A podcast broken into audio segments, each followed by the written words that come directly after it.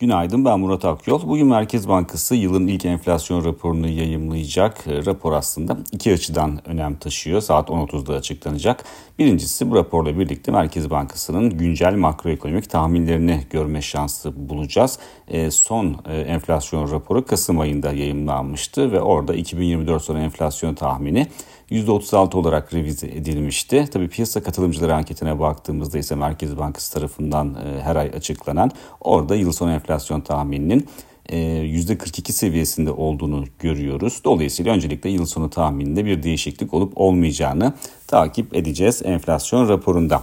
E, diğer taraftan Merkez Bankası enflasyon raporuyla zaman zaman para politikasına dair sinyaller de verebiliyor.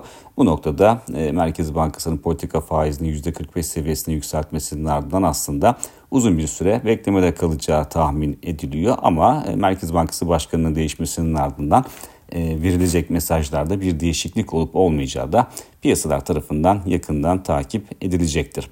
E, Borsa İstanbul'a döndüğümüzde ise Borsa İstanbul iyimser görünümünü aslında sürdürüyor. Dün de endeksin BIST 100 endeksinin 8900 puanın üzerine test ettiğini gördük. Fakat burada kalıcı olmayı başaramadı endeks. Özellikle e, aşırı alım bölgesinde olunması aslında kısa vade için risk yaratan bir e, faktör olarak kabul edilebilir ama çok net bir dönüş sinyali olduğunu en azından e, şu anda söylemek zor. Fakat tabii ki e, bu görünüm nedeniyle e, daha fazla güç kazanılmakta zorlanması da endeksin büyük bir sürpriz olmayacaktır. Enflasyon raporu belki TL açısından daha çok yakından takip edilen bir konu başlığı ama tabii ki hisse senetlerin performans açısından da oldukça önemli.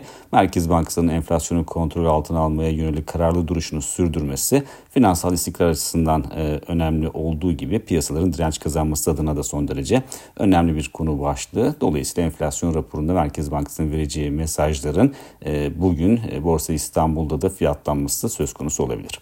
Bir sonraki podcast'te görüşmek üzere.